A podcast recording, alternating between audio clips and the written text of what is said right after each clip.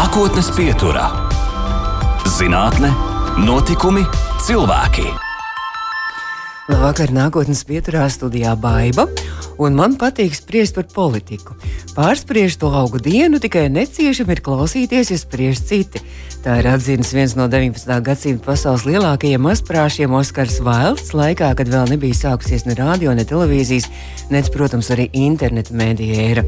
Pēdējā laikā spriedzi starptautiskajā arēnā nepieciešamība sekot līdzi aktuālajam, līdzjūšana citiem un bažas par savu drošību un nākotni. Tas ir iemesls, kāpēc šodien mediju tāpā lielā mērā tomēr dominē politika, un šoreiz tai pievērsīsimies arī nākotnes pieturā, jo Latvijas Rādio 2 studijā viesojas Rīgas Tradiņu Universitātes asociētais profesors, ģeopolitikas pētījuma centra direktors. Soc O, atvainojos, politikas zinātņu doktors Māris Anģāns. Labvakar! Vakar. Kā sajauc jūs tos titulus daudzos? Kā jums, droši vien, ka jums jau ir tā kā uz darbu, jūs ejat uz rādio, uz televīziju, vakar pie maniem kolēģiem rādio viens pie Aida bijāt, arī dažādos internetu mēdījos jūs parādāties. Tas, tas nenogurdina vai tieši otrādi rāda azartu kaut kādu tādu? Jā, nu gan tas, gan tas, protams, tas paņem spēku, ir jāpagatavojas, jāsako līdzi apkārt notiekošajām, un tie notikumi jau ļoti strauji attīstās starptautiskajā politikā, un visa pasaule saistīta savā starpā izmaiņas vienā vietā ietekmē citu vietu. Un, uh, līdz ar to jā, tas paņem spēku, bet ir interesanti un arī gandrījums par to, ka zinātnē arī iziet uh, tautā, ja tā var teikt. Ka, nu, ka tas nav tā, ka kaut kur nu, tādās sociālo zinātņu laboratorijās kaut kur noslēpts pētnieki kaut ko pēta. Nu, mēs ar tām zināšanām uzreiz dalāmies ar saviem vērtējumiem. Un droši vien arī tad, kad tur klausītāji var iesaistīties, arī jautājums jums arī uzdod, un daudziem droši vien arī interesē arī jūsu viedoklis un jūsu komentāru un arī prognozes droši vien. Arī Tieši tā, nu, prognozes tā grūtākā lieta, jo mm. sociālās zinātnes nu, nav ne tuvu tik precīzas kā dabas zinātnes. Līdz ar to nu, prognozes lielākoties nav līdz galam precīzas. Bet nu, tik un tā ir jāmēģina prognozēt, kā tad attīstīsies lietas. Jums jābūt milzīgai, man liekas, arī empātijai. Ja, piemēram, prasa, nu, ko Putins domā un kā tur Putinam un tā, un tad jāielien tajā Putina galvā arī. Ir. Jā, nu, viņa galvā un ne tikai. Tas jau nu, nav, nevienam nav izdevies uh, izdarīt. Ir, protams, ir jāskatās uz dažādos veidos, teorijas, koncepti, uh, kas to var skaidrot, kāda ir vēstures notikumi bijuši iepriekšējās runas, uh, nu, kāda ir rīcības diapazons, un tad var mēģināt nonākt pie mhm. secinājumiem. Mm -hmm. Bet nu, tik un tā līdz galam precīzi, diemžēl, nevaram būt neviens. Vasarā, ja nemaldos, eh, sākās šīs sarunas par to, ka vajadzīgs eh, Latvijā arī šis uh, militārais obligātais dienests un, un, un, un kaut kā tā pravietiski, ka jūs Tradiņu universitātē jau tieši 1. janvārī šī gada sākumā vēl apsteidzot notikumus pirms Ukrainas kara, jums arī tāds liels trīs gadu projekts arī sākās tāds pētījums, kuru nosaukums ir uh, Gribu aizsargāt valsti noteicošie faktori un spēlētāji Latvijas, Lietuvas un Taivānas gadījumi. Tad uh, visai dīvaini man tā liekas šīs trīs valstis, Latvija un Lietuva, jā, tas ir ļoti saprotams, mēs esam Baltijas valsts, bet kāpēc Igaunija, kāpēc Taivāna? jā, nu. Eh, Latvijas zinātne nav starp nu, tā, vislabāk finansētajām eh, pasaulē. Nu, tāpēc eh, daudz kas atkarīgs no projektiem. Kādi projekti? Tāpēc mēs ļoti pateicīgi esam Latvijas, Lietuvas, Taivānas zinātniskā sadarbības fondam, kas finansē šo pētījumu. Mm. Ja, nu, ja nav finansējuma, tad arī to pētījumu īsti nav. Ja, bet, domāju, ļoti labs salīdzinājums izdodas Latvija, Lietuva. Nav šaubu, kāpēc Krievija mums kaimiņš ļoti labi zināms. Arī Baltkrieviju nevaram aizmirst. Un Taivānā ir nu, diezgan līdzīga Ķīna, Lielo Ķīnu. Nesen Nancy Pelosi, ASV pārstāvja palātas runas sieva, bija ieradusies Taivānā. Nu, tad Ķīna izgāza savus dusmas. Faktiski ar militārām mācībām bloķēja Taivānu no ārpasaules uz pāris dienām. Līdz ar to nu, mums abām pusēm, gan Latvijai, gan Lietuvai, gan arī Taivānai, ir ārējais drauds. Tad nu, mēs pētām, kā tas ietekmē iedzīvotāju vēlmu aizsargāt valsti. Mm -hmm. Tagad tas samērā loģiski, tomēr, ka tā Taivāna arī, lai cik tas dīvaini arī neliktos. Septembra nogalē jums bija arī uh, prezentācija par šiem pirmiem pētījumu rezultātiem. Kas tur ir secināts un kas noticis ar šī projekta laikā? Jā, nu, mēs esam sākuma posmā, skatījāmies arī uz jūsu piesaukto obligāto militāro dienestu. Ļoti interesanti, ka Taivānā un Lietuvā abās valstīs ir obligātais militārais dienests. Tur tas atbalsts ir daudz augstāks. Tūpīgi 80% sabiedrība atbalsta saskaņā ar mūsu aptauju. Latvijā vēl pirms aizsardzības ministrija paziņoja par ieceru ievilst valsts aizsardzības dienestu. Atbalsts bija nu, tāds stipri zemāks, ap 45%, bet tā nav nemaz tik zems. Un uh, skatījāmies arī un skatāmies joprojām, cik tad iedzīvotāji būtu gatavi aizsargāt savu valsti. Protams, uh, nu, viens ir teorija, otrs ir praksa. Mm. Mēs nezinām, nu, ja sāktos uh, karš nedodies, uh, cik tad patiesībā būtu cilvēki gatavi iet un aizstāvēt valsti. Nu, šajā kompānijā Latvijā sanāca viszemākā griba aizsargāt valsti, bet tik un tā tā ir tīri labā līmenī. Uh, aptuveni līdzīgi kā Taivānu, katrs otrais būtu gatavs iet cīnīties par savu valsti. Lietuvā tas rādītājs bija nedaudz augstāks. Un, un, mēs, mums liekas, ka mēs esam ļoti patriotiski. Tā, jā, nu, esam, bet nu, viens ir, protams, tā ir vidējā temperatūra slimnīcā, ja tā salīdzina. Nu, paskatāmies sabiedrības griezumā, tad mēs vācam šādus datus jau vairākus gadus. Un, nu, tā tendence parādās, ka ir sabiedrības grupas, kur tā grib ir zemāk cīnīties par savu valsti. Nu, atkal, diemžēl, jautājums par krievlodīgajiem, kur tas rādītājs ir ievērojami zemāks. Tāpat arī Latvijā, diemžēl, cilvēki ir mazāk gatavi cīnīties par savu valsti. Nu, tas vismaz uz papīra papīra. Mm -hmm. Praktiski būtu, to mēs nezinām. Uh, Ukraiņa, protams, parādīja, Ukraiņa tauta parādīja ļoti augstu vēlmi cīnīties par savu valsti, jo, nu, ja nebūtu tā griba bijusi, ja, nu, ja nu būtu ar puķiem sagaidījuši uh, Krievijas tankus, tad nu, mēs, mēs droši vien skatītos pilnīgi citādāk uz konfliktu. Nu, jā, mēs arī nu, mēs negribam zināt, kā tas būtu, ja pie mums tā būtu, bet iespējams, ka Nu, tad, kad bija arī viss uh, atmodas laiks un arī viss šīs uh, barikādas, un viss tomēr bezgalīgi daudz cilvēku tajā visā iesaistījās un, un, un, un bija gatavi arī stāvēt uz barikādēm un arī aizstāvēt arī un cīnīties par Latvijas brīvību. Bet uh, runājot vēl par uh, šo aptauju, par šo projektu, tad kaut kāds aptaujas laikam tika veikts. Ja? Kā jūs tur noskaidrojat? Kā jūs pētījāt? Arī visas pētnieku komandas nav nemaz tik vienkārši. Mentalitātes dažādas, kā Azija, Eiropa ir atšķirības. Uh, nu, pavadījām diezgan daudz laika, lai um, attīstītu jautājumus un, un arī atbildes, jo tur mums bija ļoti svarīgi, lai viņas ir uh, visās valstīs saprasts, tiek pareizi. Un arī bija svarīgi izmantot vēsturiskus datus, jo šādi pētījumi jautājumi tiek uzdoti jau nu, vairākus gadus, desmitus senā pagātnē, līdz ar to, lai mēs varam salīdzināt ar citām vietām pasaulē. Un, nu, tajā nestoties to, ka Latvija varbūt nav pati augstākā griba aizstāvēt valsts, tā tomēr diezgan labā līmenī. Jo nu, globālā līmenī parasti ir valsts, kurām ir nu, negatīva vēstures pieredze bijusi ar kariem, Vācija, Japāna, nu, kur grib aizstāvēt valsti zemāk, kur nu, pacifisms tāds vairāk izplatīts ir. Un tajā ziņā mēs nemaz tik slikti neizskatāmies mm -hmm. Baltijā kopumā. Ne, citos pētījumos parasti Igauni atkal priekšā. Igauniem tā vēlme cīnīties par savu valsti ir visaugstākā Baltijā. Nu, cerams, ka mums arī kaut kā tā mūsu sabiedriskā doma arī un apziņa arī mainīsies laika gaitā vai pamazām. Bet 2018. Eh, gadā jums arī bija tāds pētījums par Latvijas aizsardzību. 2018. gadā tieši, un tad jums tur tajā pētījumā ir tāds eh, tāds uh, eh, 2% klubā, ka Latvija ir iestājusies. Ko tas nozīmē? Jā, no Latvijas sāk veltīt 2% aizsardzībai no iekšzemes koprodukta.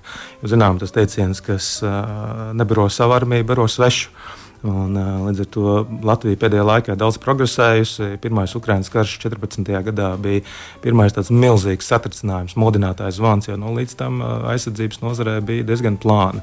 Ja kaut kas būtu sācies ne Ukraiņā, bet šeit, tad nu, varētu būt diezgan plāni gājis. Latvija pati mm -hmm. nebija netūti gatava. Tagad ir tiešām milzīgs progress sasniegts. Un divi arī sabiedrotie. Mums jau šeit nebija NATO sabiedroto. Nu, mēs bijām NATO faktiski tikai uz papīra pirmo desmit desmitgadi eh, bija no Lietuvas eh, patrulēja eh, gaisa kuģi sabiedroto, bet nu, tā bija tā ļoti ierobežota klātbūtne. Šobrīd jau mums ir kanādiešu vadīta kaujas grupa, jau brigādes lieluma. Tas jau ir nu, pieticīgs, bet jau pietiekami nopietns spēks un stingrs signāls Krievijai. Tajā 2018. gadā tajā jūsu pētījumā ir, ka neticami, bet Latvija bija piektajā vietā pasaulē pēc, pēc iekšzemes koprodukta, eh, ko ir ziedošajā tieši šajos, šajos divos procentos aizsardzībai. Tā bija diezgan, diezgan strauja izaugsme, mm -hmm. tas vairāk NATO ietvaros bija mm -hmm. tas piecinieks, labs rādītājs, bet arī kopumā Latvija nu, pasaules līmenī bija starp līderiem tajā. Mm -hmm izaugsmas tempā. Bet ah. pasaulē vēl tur ir dažādi piemēri. Tuvajos austrumos, jo īpaši, kur pat desmito daļu tērē no savu budžeta aizsardzībai, nu, tur mēs nespējam sacensties. Mm, nu, bet NATO tas ir, tas ir vienkārši izcili. Kā šobrīd ir situācija? Nu, šobrīd arī Latvija ir starp uh, priekšzīmīgākajām valstīm. Latvija, protams, tērē vismaz 2%, un šobrīd ir aptuveni 2,3%. Nu, tas atšķirās, kā aprēķina iekšzemes koproduktu un cik ir faktiskie izdevumi aizsardzībai. Nu, Latvija arī gatavojas celt uz 2,5%.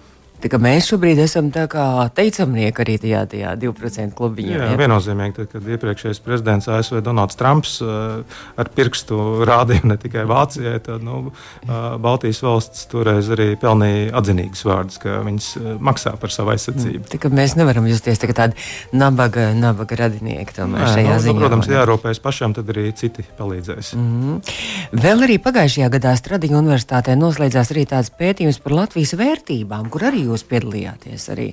Kas tad tās Latvijas vērtības ir un, un kāds ir tās Latvijas vērtību uh, atpazīstamība pasaulē? Tur arī tika pētīts. Arī. Mēs vairāk uh, raudzījāmies uz, uz iekšēju situāciju šeit kopā ar Vidzemes augstskolu. Tas arī bija trīs gadu projekts par uh, vērtībām, kā Latvija ir progresējusi, uz kurien iet Latvijas sabiedrība.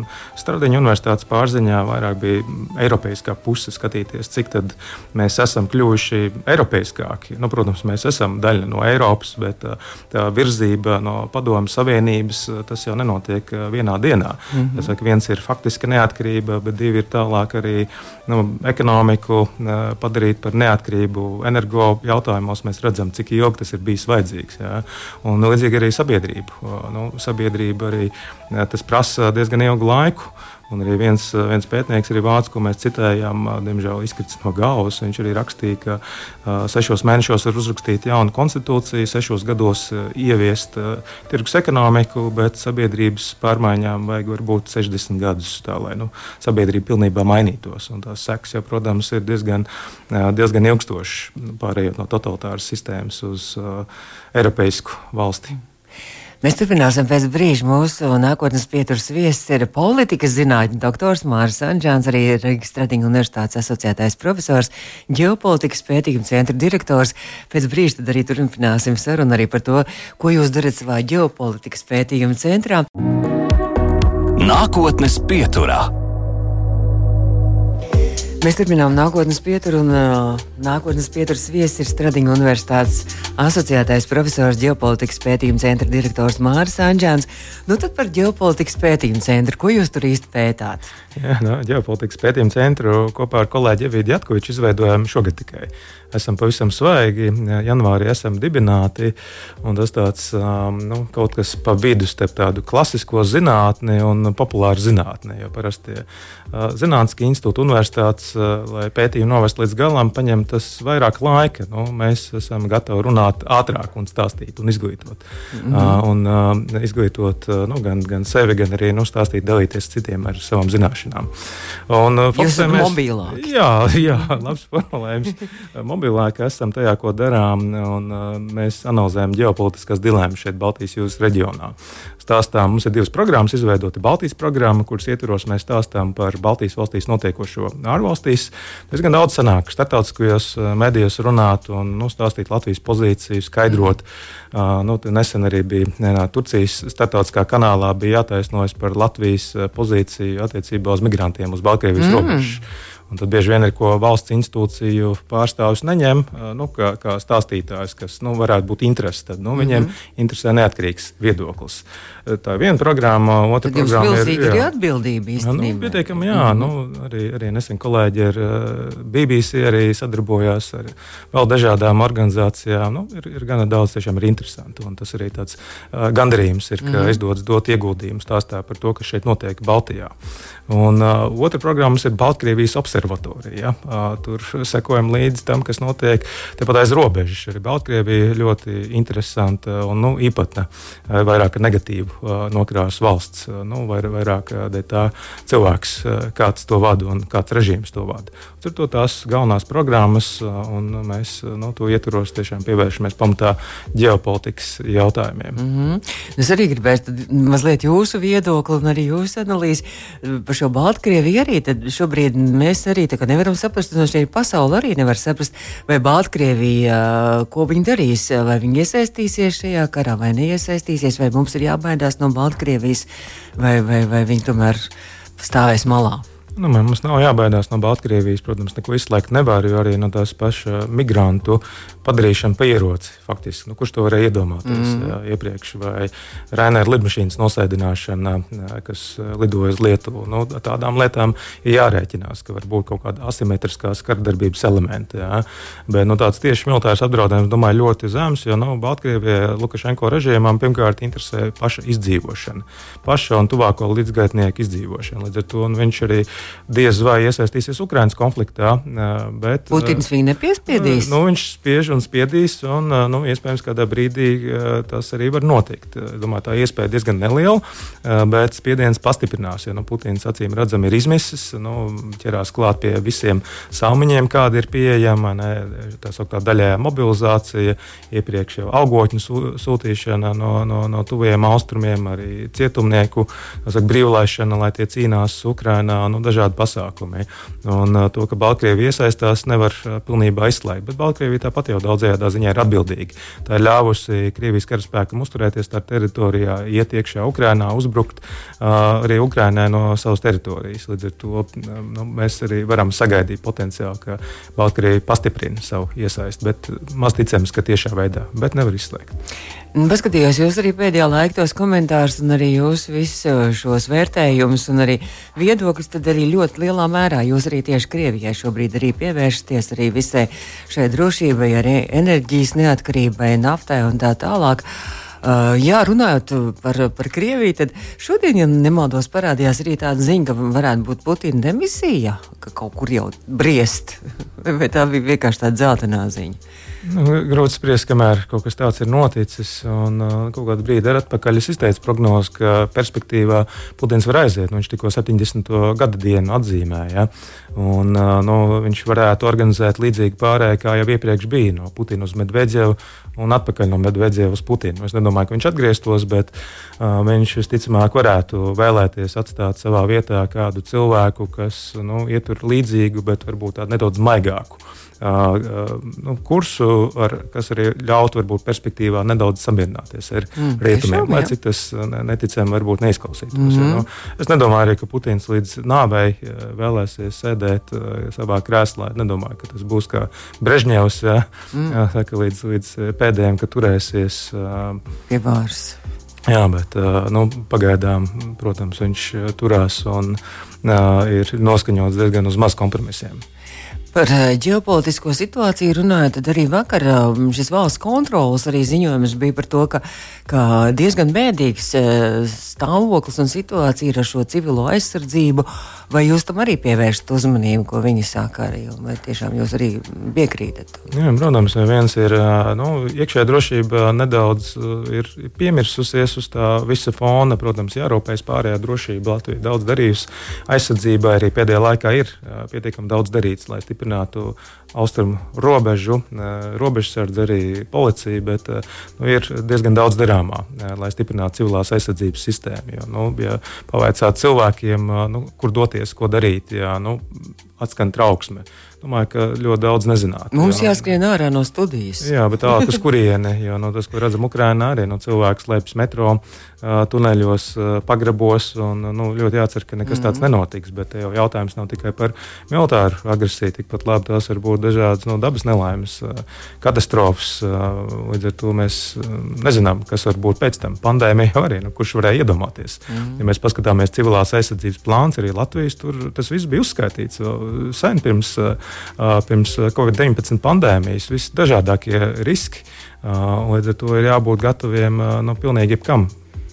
Bet, nu, arī, ja, piemēram, tāda situācija kā Ukrainā, tad mums tiešām nav, nav šo patvērtņu, nav, nav, kur, nav kur doties, un cilvēki nav apmācīti, cik redzot. Jā, no, tas, tas ir jālabo. Un, tas ir jālabo, un nu, noteikti arī valsts kontrolas ziņojums kalpos par tādu mm. kā, nu, pamudinājumu doties tālāk tajā virzienā. Cerams, ka, ka, ka kalpos, un arī cerams, ka ņems arī šo, šo, šo, šīs rekomendācijas varbūt arī vērā.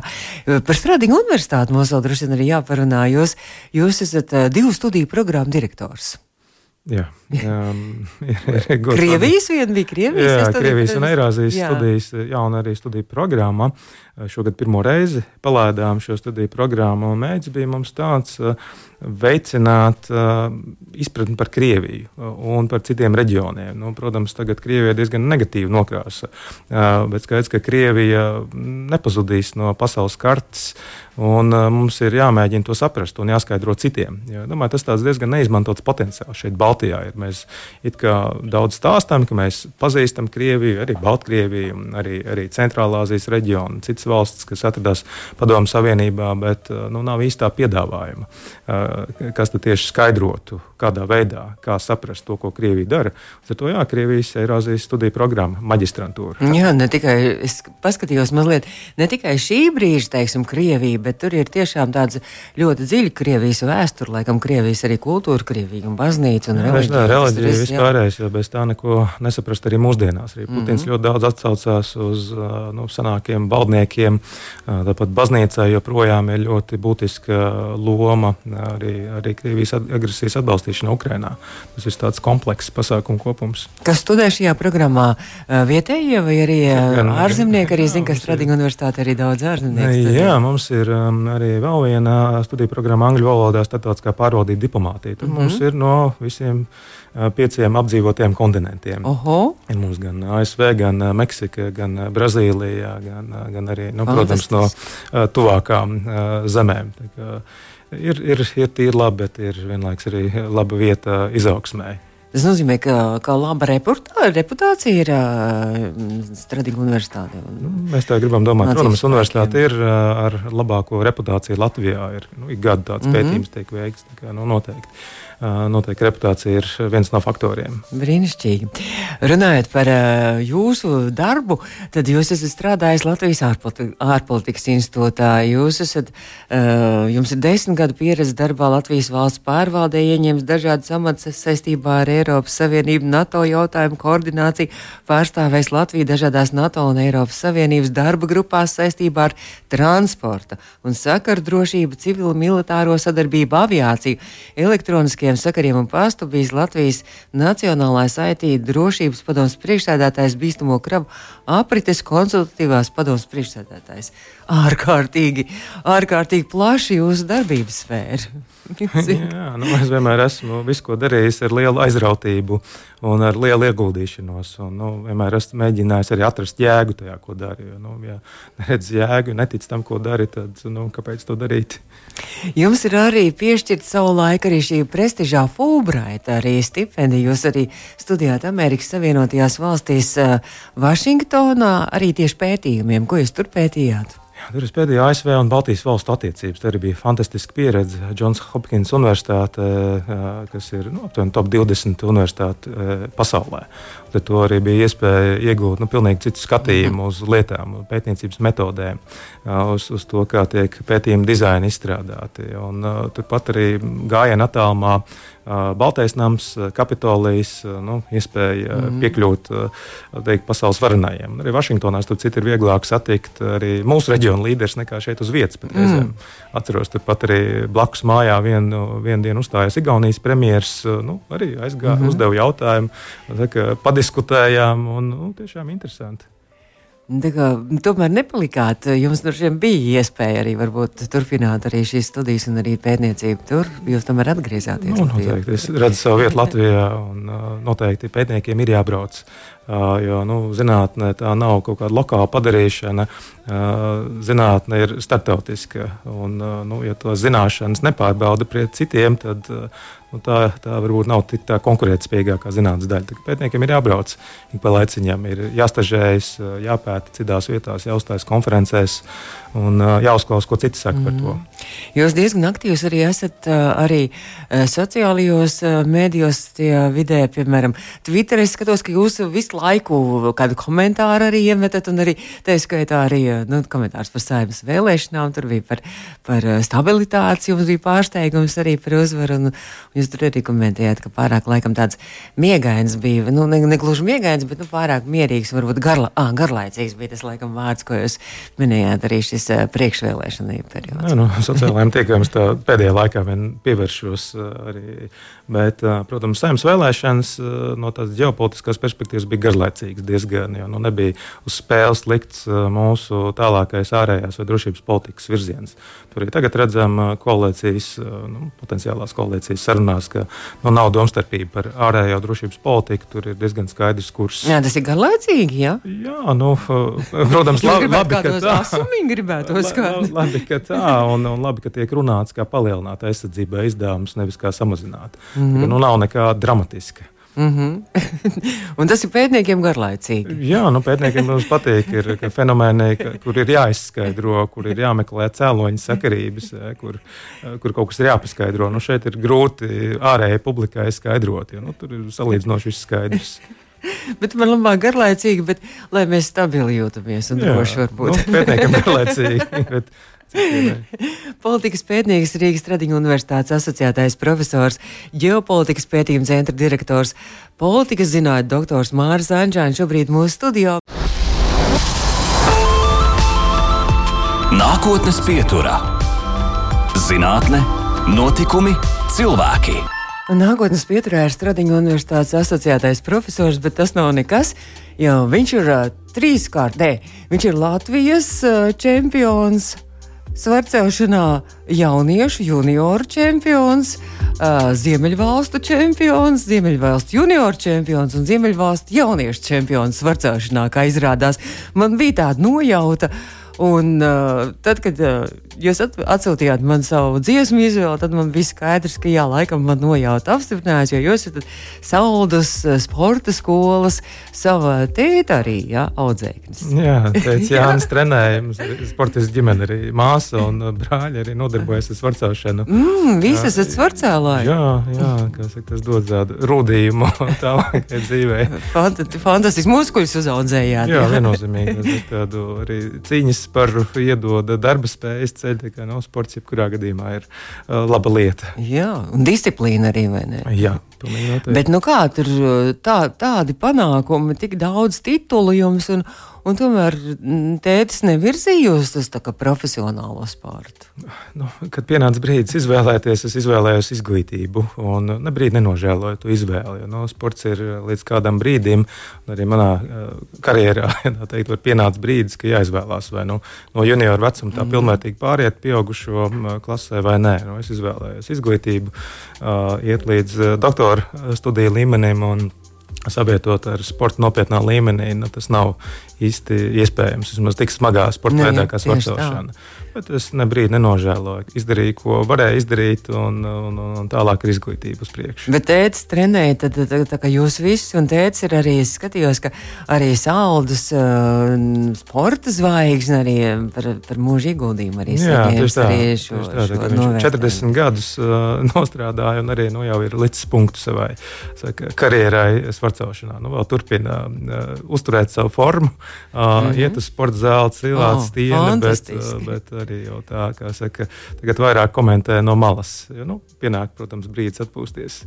Un jūs pats esat sports zāle arī? Jā, dodos nu, divas, trīs reizes nedēļā, vairāk kā teikt, tādā nu, veselībai, dodos mm -hmm. uz, mhm. uz fitnesa zāli. Arī cilājas smagums un uh, paskrienu, jo nu, tas tomēr dod labu tādu sajūtu, tonus un izveidināt galvu arī Jā, tajā pašā laikā. Palīdz, labi, arī, bez sporta nespēja. Jūs esat pats eh, komentējis arī svarcelšanu? Arī, ja? Jā, vienā no pasaules čempionātiem bija iespēja komentēt. Mm. Tāda ļoti interesanta pieredze. Toreiz ASV notika pa nakti, jāveic komentēšana, arī tāda fantastiska pieredze bija.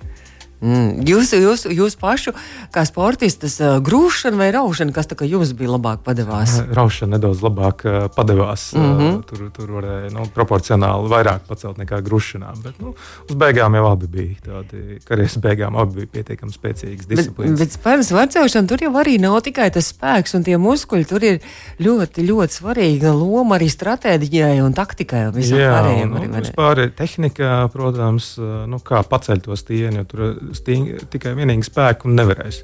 Jo tā nav spēka trīscīņa, uh -huh. piemēram, nu, kur tās kustību lokus ir diezgan ierobežots, un tas stiens ir jādabū virs galvas. Un, nu, tur tiešām ir jādomā ar galvu uh -huh. diezgan pamatīgi. Un arī pēc tam to svaru pielikt klāt, nu, tam tās nākošos visus tur arī mēģinājums, kā jārēķina, tur ir milzīgi, jā, tā ir jā, matemātika tikai, augstākā gadrīz. nu, jā, tur ir eh, trīs piegājieni tikai rošanā un, un, un tikpat grušanā, un tur ir labi jārēķina. Mm -hmm. Un, ja neizmanto savu iespēju, pretinieks to izmanto. Bet, eh, nu, tad runājot par to ceļu politikā, tad jūs tomēr izvēlējāties doties Stradinga universitāti un turpināt arī studijas. Kāpēc tieši politika? un politi mm, politoloģija.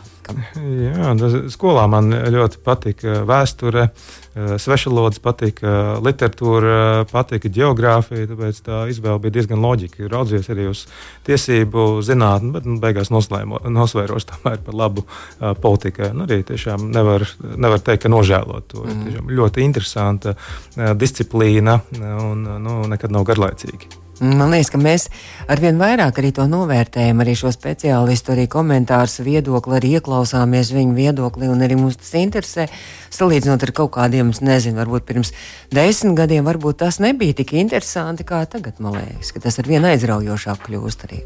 Jā, noteikti. Un, nu, pasaule arī griežas uh, savā ziņā straujāk. Globalizācija nu, joprojām uzņem apgriezienus, jauni varas centri veidojas. Tāpat Ķīna, nu, kas ir otra, nevis Krievija, bet Ķīna ir otra superlielvārds līdz ar mm -hmm. ASV. Tie procesi ir tik daudz un savā starpā saistīti. Nu, mēs varam sagaidīt vēl ļoti daudz un dažādas notikumus. Un, un, protams, Ukraina mums ir ļoti tuvu un, un daudz arī aizskārusi, nu, tādā ziņā nu, aizķērusi tas, tas konflikts, daudz uztrauc. Bet, mm Pasaulē ir aptuveni 50 bruņotu konfliktu visu laiku.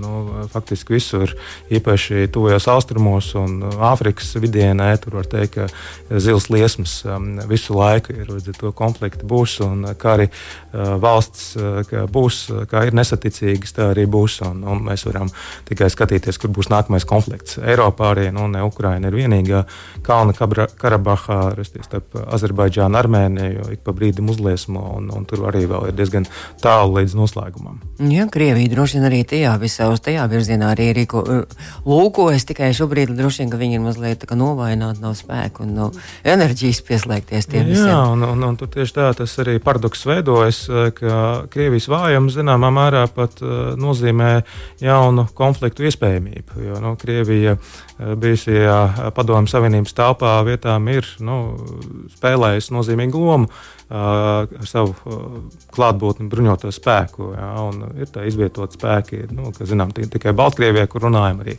Armēnijā, arī Kalnu-Karabahā, kas ir de jure Azerbaidžānas mm. daļa, tāpat arī Kirgistānā, arī Taģikistānā, arī Kazahstānā. Atcerēsimies, gada sākumā bija nemieri, kur Krievijas miera uzturētāji tā sauktie ieradās. Tā kā Krievijas vājums daļā reģiona var nozīmēt jaunu konfliktu uzplēsnījumu. Man jāsaka, paldies, ka jūs ieradāties studijā, tomēr cerēsim, ka, ka miers pasaulē būs pēc iespējas vairāk. Un, un vismaz mūsu reģionā tas miers arī saglabāsies un iestāsies arī Ukrainā. Lai cik tas droši vien politologiem atkal neinteresanti vai nebūs, bet, nu, bet es saku lielu paldies jums, ka jūs atradāt laiku vienīgais, laikam, bija vienīgā brīvā ceturtdiena no, no, no universitātes. Arī brīva, laikam, šis vakars vienīgais šajā mēnesī. Jā, jā, jā nākamās nedēļas atkal jāpavada auditorijā. Nu, tad sveiciens arī studentiem. Māris Anģēns, Stradiņu universitātes mm, profesors un ģeopolitikas institūta direktors pie mums uh, studijā. Saku lielu paldies jums un izskan nākotnes pietura. Izskan nākotnes pieturā.